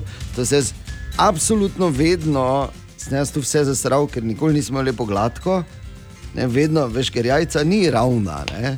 to je stara resnica. Veš, jajca ni ravna. In ko si ti to, ko se jaz to gor lepo, to mi, vedno smo neki rob, vedno se mi je nekaj skupaj, sem hotel nekaj na razen glihati, te se mi je vtrgalo. Skratka, ugotovil sem, da, da sem imel upravičeno po milosti in dobroti učiteljic likovno vzgojo v, v osnovni šoli. Okay. In od takrat naprej rakofobijo pred obcukmanjem. No, ampak hočem povedati, če eh, bi pa vseeno, ne, da ne bi zdaj maurične eh, eh, pirhe eh, kupoval samo v Hoferu eh, ali pa v eh, metroju v Avstriji. Eh, Če hočeš sam narediti ali sama narediti malo bolj pestre barve, oziroma imeti pestre barve, ko se nese k žegnu, je to čisto preprosto. Rabiš samo beli kis in barvila za hrano, Uh, jajca skuhaš, počakaš, da se ohladijo na sobno temperaturo, pa daš vročo vodo v eno skodelico, uh, eno žlico belega kisa in pa seveda par kapljic tiste barve, ki jo hočeš, jajco daš noter. Uh, počakaš 5 do 10 minut, dlje kot je jajca noter, bolj temna oziroma izrazita barva je. Predvsem pa moraš paziti, da celo jajco not potisneš, da nima pol tako imenovane bele riti na hrbtu. Kar nekateri našč naredijo. ja, res je. Ampak res, okej. res, res je. Tako da uh, to je bil ta koristen nasvet uh, za veliko noč, predvsem pa po pameti in uh, ne pozabiti, ne, samo toliko lahko poješ, pol pa moraš malo počakati. Ja, čisto v duhu tega največjega krščanskega praznika smo tudi mi tukaj v studiu ena Radio City, torej uh, mladi Tomaž Bor in Dejan, kot v Vatikanu. Sami fanti, kam pogledaš. Z edino razliko, edina razlika je ta, da uh, na ta veliki četrtek uh, naši šefi pač ne domujejo v Rimu, pač pa v Budimpešti. Narečja so zakon. Ha, kva, koga, kaj? Ma ne razumem. Točno tako, Marko Fras, kaj smo na zadnje iskali? Dobro jutro. Dobro jutro. No, zdravo. Na zadnje smo iskali narečne verzije te povedi. V kavo mi nali malo mleka. Pozdravljeni, so Francija iz Kučevja. V stevskem narečju bi zvenelo poved, v kafu mi nalji malo mleka. Bog daj, jaka zobrža tu, pri nas pa temu rečemo tako, malo mleka mi v kovo bukne. Dober dan, tratnik Leon pri telefonu, iz Prekmorja, iz Lipovec. Čaprkni mi malo mleka v kavu. Sem Patic Ožič. V kafe mi vli malo mleka, prihajam pa z Koroške, natečnej Dravograd. Zdravo, moje ime je Matjaš, sem iz okolice Svetega Tomoša in pri nas rečemo v kafe mi cucni malo zvore. Miljana iz Zagorja, pri nas bi to zvenelo. V kofe mi nalimal mleka. Zdravo, sem Tamara, doma sem z goričkega konca, pri nas se to pove, v kavo mi vlej munjsko mleko, prosim. Bog daj, Timotej, tu je zgodaninac, pri nas rečemo v kovo mi nali malo mleka. Hvala lepa za vse izraze, za sodelovanje. V tem tednu pa iščemo narečne verzije te povedi. Ko se shladi, spim v pižami. Kaj pravite vi trije? Zidina, skazljivec in zleženik. Jaz upam, da bo konec tega, da bomo spali v pižami kmalo. Ne? Ampak ko se skladi, pa si daš pižamo gor, ne? piž. Rečemo, ne, ne piž, pižamo, ne, imamo pižamo. Imamo. Kaj imaš pižamo, Tibor? Ne vem, rečem pižama ali rečem pižama. Ja, kaj te vem. Ampak definitivno sem pa jaz uh, tisti prvi izraz. Jaz bi eno stvar še samo malo se vrnil nazaj pri tem, kar smo iskali na zadnje, se pravi, nali mi malo mleka v kavo. Zdaj pa čisti iskreno, prosim, povej, da se najdeš nekje v Prlekiji, kjer bi tako ali tako že bil prestrašen, po nepotrebnem, seveda, ne?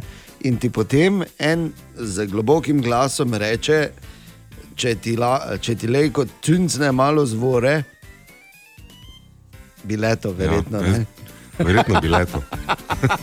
Marko, kaj si to uporabil, neke izraze? Zidina je zidana stavba, skazljivec je hinavec, zleženik pa je rojak. Ja, vse troje si bor. Ha, koga? Ma ne razumem. Narečja so zakon. Bor Dejan in mladi Tomaš želimo dobro jutro. Mladi Tomaš, ne boj se, Ja. ker hrabro reči do jutra. Dobro jutro. Ja. Cer mladi Tomaš, eh, nosilec, prevzel je pas eh, prvega Barežuna, v bistvu ne. Bomo rekli tako, da to mu moramo dati. Še vedno se sprašujem, če je pač njegov glas spi v svoji poslici zraven zvečer, ker je, ker bom rekel, ne. pa če ga zložiš lepo na A4. Drugače pa eh, ne vem, če ste že to slišali, ampak je v, v Mariborski občini več ne bo občinskega glasila. Ojej, O, Tine! Jap. Bom rekel takole, Vatikan se je razširil, tu je Tine. Zdravo. Ob, ob Dejanu Boru in mladem Tomažu, zdaj tudi Tine. Mogoče bi boljše, če bi jaz to. Ja, da sem tudi razmišljal. Ali pa da ga kličemo sveti Tina, ne? to, to bi se skoraj spodobilo. Teče že svetli. Sveti, to sem hin že. Ja. Ker veš, da No, be, to ni beatifika... svetli. Zakaj svetli? Presvetli, ne iz tega vem. Kaj, beatifikacija se neminovno zgodi po, ne, po tem, ko greš v gospodu. tako Da... Ja, no, ampak lahko je bil prvi, ki ga beatificiramo že Redo, za časa ja, življenja. Hvala. To tako vem, da si ti želiš. Potihem. Svetli. Ne študiram, zakaj bi svetli bil. Ja, nimam gledal zdaj kot Gruntovčane? pač Ja, sem, ja. Tam je bil en, ki bi sicer presvetli. Ne? Ja, tam on je bil župnik, ne? ja, zdaj ti Ne, pravim. Vse je v tem stilu danes zjutraj. Ja, ampak edina razlaga je, ne, da pač, ko rečemo presvetli, potem mislimo, eh, ne, da je nekdo zares uh, zasluži to dostojanstvo. Ti še pa nisi čisto tam, ne, ker si full svetli, nisi pa še preveč, ne, ti nisi še presvetli. Kaj ti govoriš? Vedi, reči, Če ti ne sprašuješ, zakaj je svetli, Idi ti si jajce nekaj samo barva. razlaga. Idi jajce barvati ali pa si nekaj najdi. Tine. Huh. Kaj imamo danes? Eno uh, znanstveno. Dobro.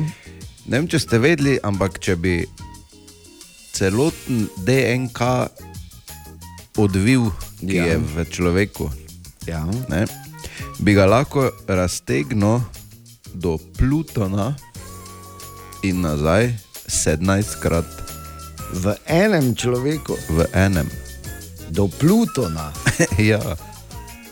ne do Plutona na Goričkem, do prav do Plutona. Ne vem, Pluton na Goričkem. Kaj te stava, je človek? No? Kaj lahko jaz vprašam, kje je, da goričkem točno je? In mene bi Pluton? tudi zanimalo. Če ste bili kdaj na Goričkem Sem in ste bil, se, pa nisem Plutona. in se našli v kakšni zabavi, ne, bi vedeli, da večkrat verjetno grejo na Pluton. Ne. Zdaj jaz eh, bom na tem mestu prekinil to, ker nočem vedeti, na kakšne zabave ti hodiš. Ja, da ti ja, Pluto ja. nakažejo, ali ti dajajo Plutona, ali Ni tako, tako. Govorim ali o da si potovanju. videl Plutona. Ana je na velikonočnem oddihu, tako smo danes tukaj, Bordejan in mladi Tomaš. Dobro jutro. Dobro jutro. Kar je edino primerno, ne, glede na to obdobje. Ja, so da danes kot veliki taki trije ministranti. Ne. Bi pa samo rekel, ti tri ministranti, seveda. Bi pa samo rekel to, da glede na to, kako se to sliši, sama sreča bor, da se en od naj rupnik ne piše. Torej, zdaj pa čisto za res.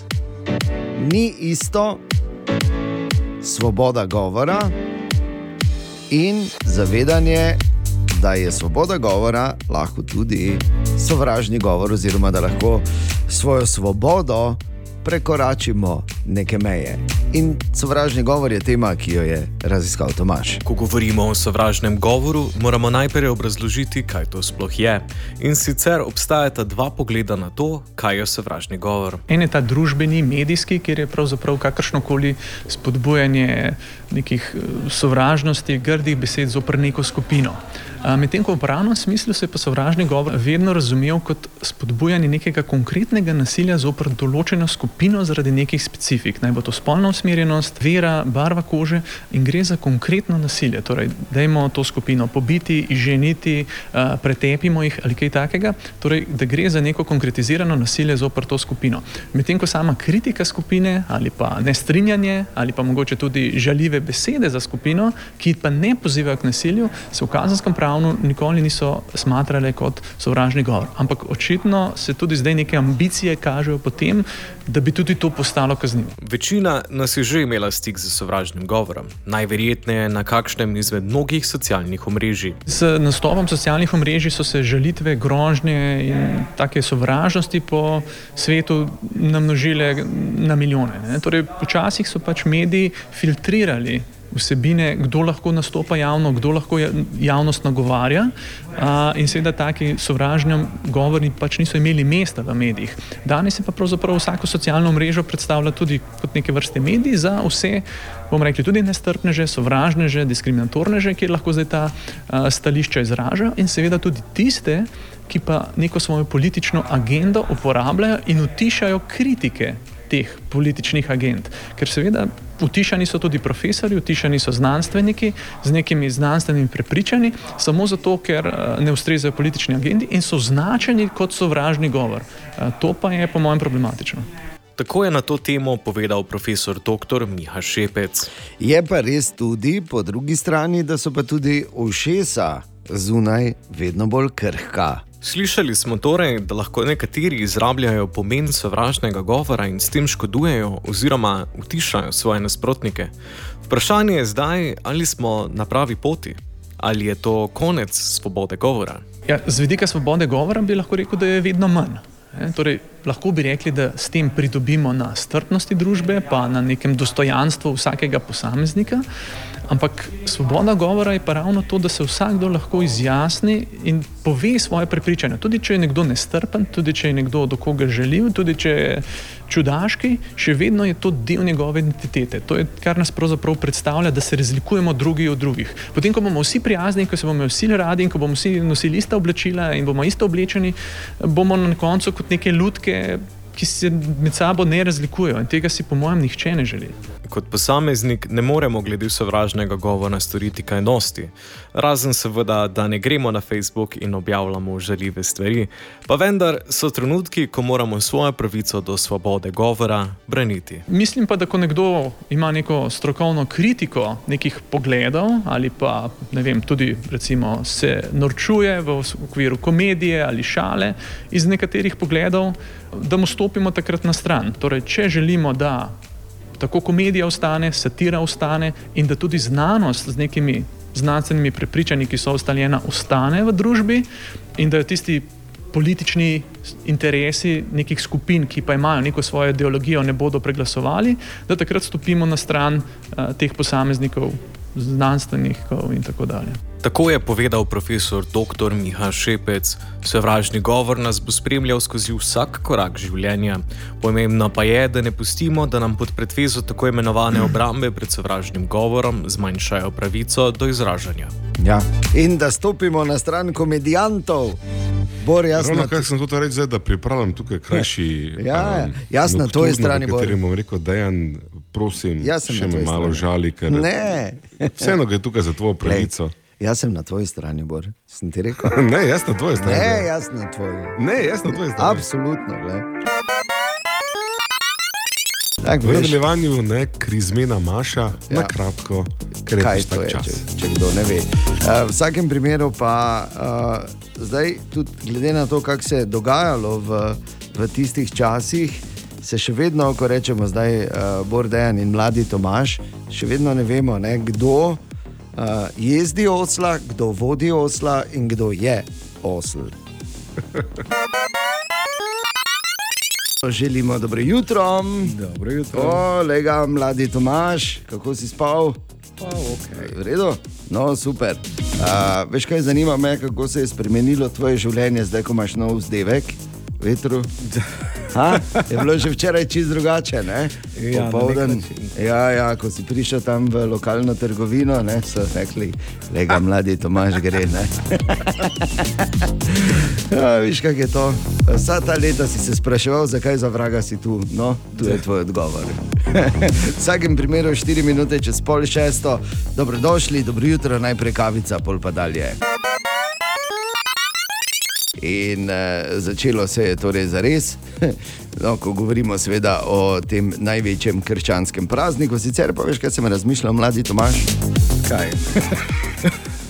Mladi Tomaš, seveda, danes v odsotnosti Ane, tudi danes skrbi za to, da imaš vse informacije o tem, kaj se dogaja na cestah in tako bo tudi vse jutro. Dobro delo upravljaš, mladi Tomaš. Hvala. Sem pa razmišljal, veš, kakšna je najpogostejša, verjetno najpogostejša reakcija kure nesnice v tem tednu, ko je gospodinja bolj intenzivno hodila v gnezdo gledati, ker se pač jajce bolj rabijo. Ne? Kaj je bila najbolj gosta reakcija, po mojem?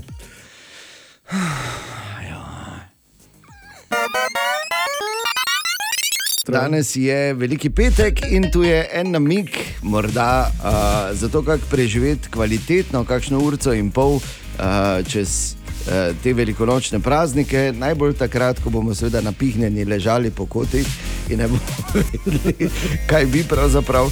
Uh, namreč uh, pogledal sem en izjemno zanimiv dokumentarec na Netflixu o Luisu Capaldiju, izjemnem uh, škotskem hmm. kantautorju, naslov je How I'm Feeling Now in je uh, zanimiv pogled, seveda tudi v glasbeno ustvarjanje življenja in tako dalje, če je seveda to aspekt, ki, ki te zanima.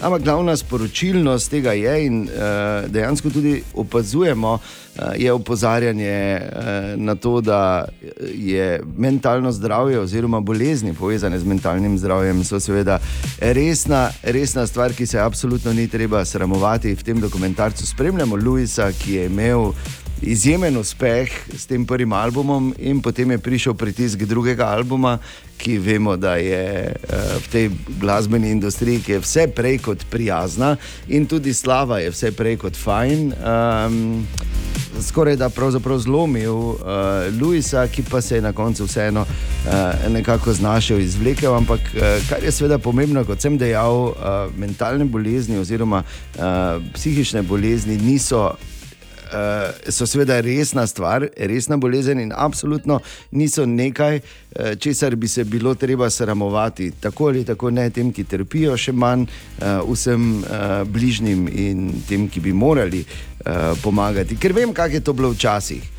Daleč nazaj, če si imel take težave, so te pač zvezali na stol, pa ti vrtali v glavo ali pa ti dali elektrošoke. V, mojem, v moji mladosti, nekaj desetletij nazaj, uh, je to bilo ebe, ebe, ebe, ebe. To ni nič, ne? ali so bili na ta, tabletah ali v uh, ali si bil za tablete ali za ustanovo, ali pa si bil pač na obrobju družbe. V vsakem primeru je, je bilo to bolj kot ne zanikanje za vse, kar je bilo globje od 3 cm šraufa uh, v starem tamovem kamionu. In uh, seveda je to resna stvar. Hvala Bogu, danes to veliko bolje razumejo in veliko več načinov je, kako si uh, lahko pomagamo, kako lahko pomagamo. Uh, in še enkrat, seveda, treba je to imati kot izjemno resno stanje, ki pa se ga da zdraviti oziroma pomagati. In če le lahko, seveda, prosim. Ne, Uh, imejmo odprte misli, oči, srca, uh, tudi za ljudi, ki potrebujejo te sorte pomoč. Ampak, še enkrat, ta dokumentarec, How I'm Feeling Now, je naslov Luisa Capaldija, je, je res izjemen in ga priporočam. Iz večjih razlogov, nekaj sem jih naštel tudi zdaj, in zanimivo, da je, in to nisem vedel, njegov hit Before You Go, v bistvu je ravno na to tematiko, kajti njegova teta, kot je povedal v tem dokumentarcu, je trpela. Uh, ravno zaradi tega in si tudi vzela življenje. In potem je napisal ta hit, ki govori ravno o tem, in je naslovljen, oziroma je njegov dialog ali pa pravzaprav monolog z njegovo umrlo teto, Luis Capaldi. In dobrodošli tudi na Veliki petek. Danes je 7. april, ni samo Veliki petek, ker ne pride vedno na 7. april. Ne. 7. april je tudi mednarodni dan Bobra. In preden, samo malo, preden si narediš plan, da boš presenetil, ne tistega Bobra. Okay? In zdaj, ko so zlati globusi odkljukani, ko so Oskarji odkljukani, zdaj pa bo čas še za ta prave filmske nagrade. MTV-jeve filmske nagrade, Aja, seveda. okej. to je 7. maja, ampak če tako pogledaš, te so na nek način še najbolj prave, ker ti tukaj v bistvu fani glasujejo. Ni nobene strokovne žirije, no, seveda je strokovna žirija, ki pač uh, predlaga oziroma naredi uh, te uh, nominirance. Ampak uh, jasno, tu se glasuje na MTV.com, lahko greš in glasuješ tudi ti. Za najboljši film se potegujejo novi Avatar, pa novi Črni Panter, pa Elvis, pa Nope, pa šesti del Skrima, pa Smile in seveda Top Gun Maverick. To so filmi in pol imaš eh, tudi malo drugačne kategorije. Eh, Torej, najboljši film, najboljši eh, televizijska nadaljevanka, pol pa imaš najboljša predstava v filmu, oziroma best performance in a movie, ne pač kako si se odrezal kot igralec ali igralka. Uh, pol imaš celo najboljšega junaka, najboljšega zlikovca, uh, za najboljši poljub, uh, za najboljšega komedijanta, breakthrough, uh, najboljši duo, najboljšo uh, borilno sceno tudi. Ne bodo, v katerem filmu je in kdaj se je zgodila. Jaz tu, seveda, absolutno, nasu, absolutno navijam za dve, oziroma imam dva favorita. Eno je, ko sta se uh, Brad Pitt in Bad Bunny udarila v Bullet Trainu. Če še kdo to ni gledal, to je film, ki ga absolutno moraš gledati. Ampak ta Brad Pitt oziroma Ladybug in The Wolf, ko sta se noro, skratka duhovito, in pa seveda Keanu Reeves, ki je nominiran za uh, borilno uh, sceno John Wick proti vsem. Ja. Kar je v Johnu Wicku 4. Skratka, to so torej te uh, nagrade 7. maja, uh, jih bodo podelili. Verjamem, da uh, bodo vse prišle v prave roke, ker bodo pač glasovali fani in tudi ti lahko glasuješ. In naj samo povem, nočem kazati na očitno, jaz sem danes svoje glasove že oddal. Ugibaš eh, za najboljši film, za katerega sem dal glas? Stoprocentno, ne? Ja. Je avatar.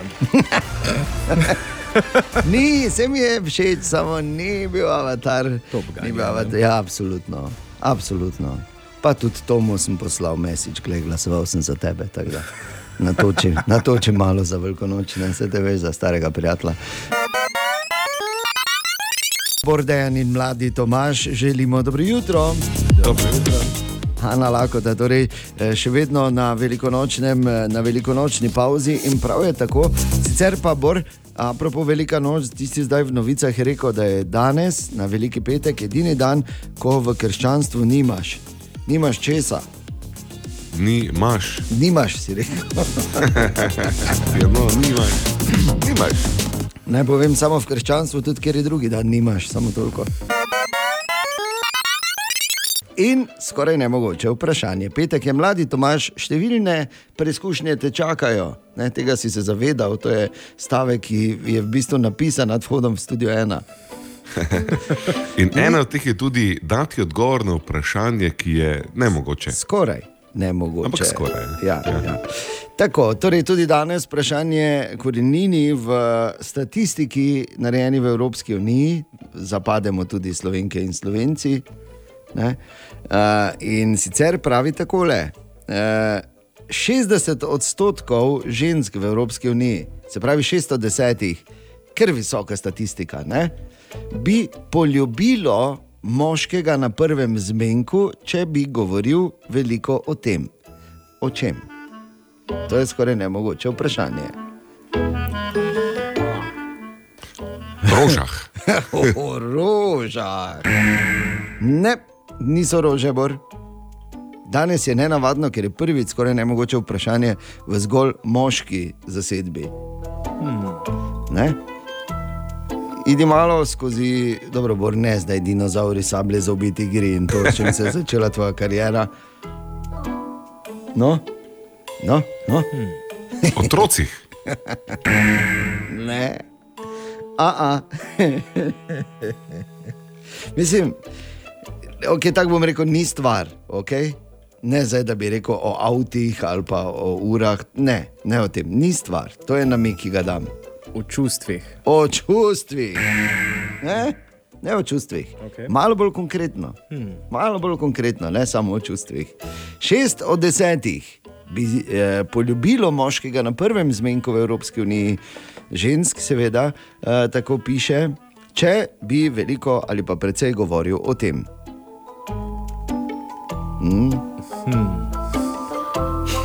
Mm. Veliko razmišljanje na veliki petek, rekel, ne, ker res ta super, sta, res je Uh, užitek. okay, okay, je z kuški, vama. kuški, Ne, ne, ne, ne, ne. Hladno je, Velik- hladna zdaj- smer. Ja, zelo hladna smer. Mislim, hladna smer, pač neke sorte odnosi je. Ja. Uh, ljubezni. o, ti mladi Tomaš. Te mi ličko, da ti malo več tako čuki, čuki. Tako je ta tam rekel. O športu. Zdaj sem začel z upnimi, politiki. Ne. A, glasba? Ne. Okay, vsak še en poizkus.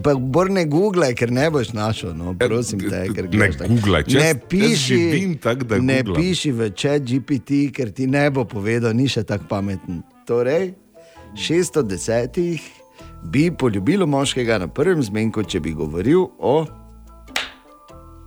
zadnji poizkus. Zbor ali mladi Tomaš? No? Čokoladi. Čokoladi. Ne, mladi Tomaš. V zgodovino bo šlo, da je tvoje prve, prvo skoraj nemogoče vprašanje eh, pač bilo porazno, ampak dobro. Gra, Bor, še zadnjič. Grajner si mi hotel reči. Ja, seveda, Bor Grajner sem ti hotel reči. Um, če bi govoril, torej 60 odstotkov žensk bi poljubilo ja. moškega na prvem zmenku, Tako. že, če, Ja, če, bi če bi bi on govoril. govoril o, o počitnicah. Ne, Na. oba sta izgubila. Pravilno odgovor je, da bi 60 odstotkov žensk v Evropski uniji moškega na prvem zmenku poljubilo, če bi govoril o mami. O mami. Res. Ja, ja, ja se si ne zmišljujem tega. Ne, moj bore, moj mladi Tomaš, to je katastrofa. Uh, verjetno, ali pa zagotovo smo zasledili, ne, da je uh, Urška Klakočar Zupančič na državniškem obisku v Ugandi posvojila opico in ji dala ime Urška. Zdaj, to je seveda v zadnjih dveh dneh, recimo, bomo rekli tako. Odprto polje za šale, v bistvu, ampak kaj lahko pričakuješ? Mislim, kaj bi ona pričakovala, če je posvojila opico v Ugandi in ji dala ime Urška. Ja, ne vem, moče bi lahko dala drugo ime. Ne? Ne, Recimo, ni ime to Mateja. bistveno, ni to ime bistveno.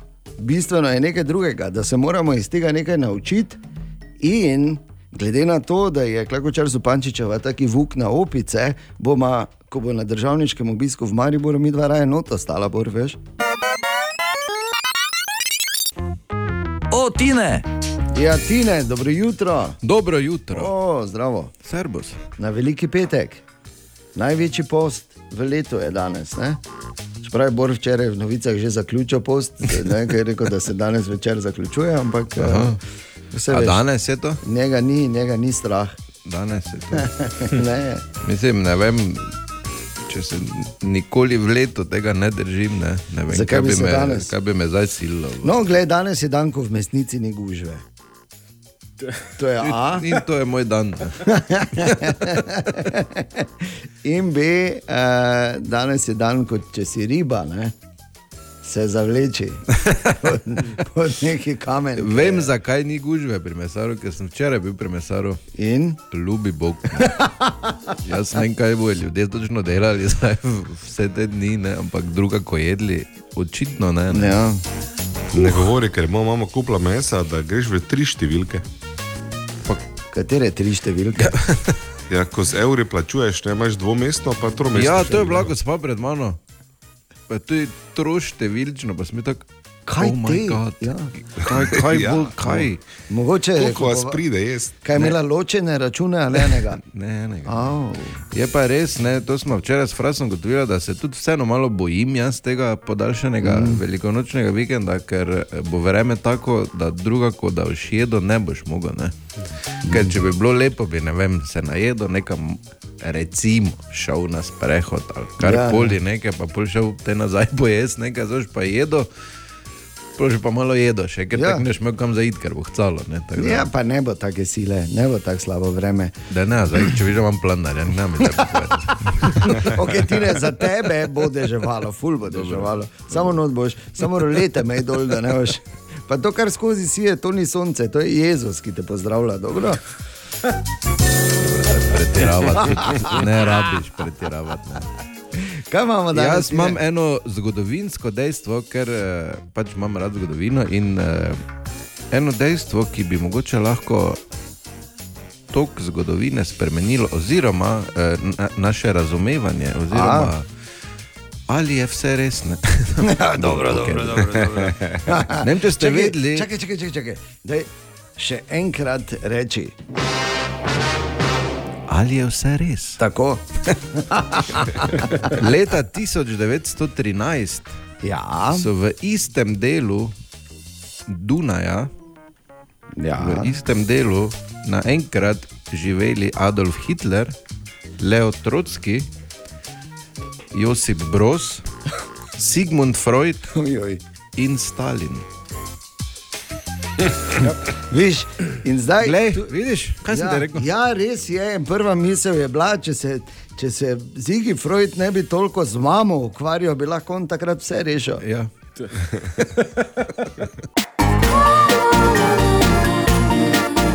Dobra, mali in stari. Podcast jutranje ekipe.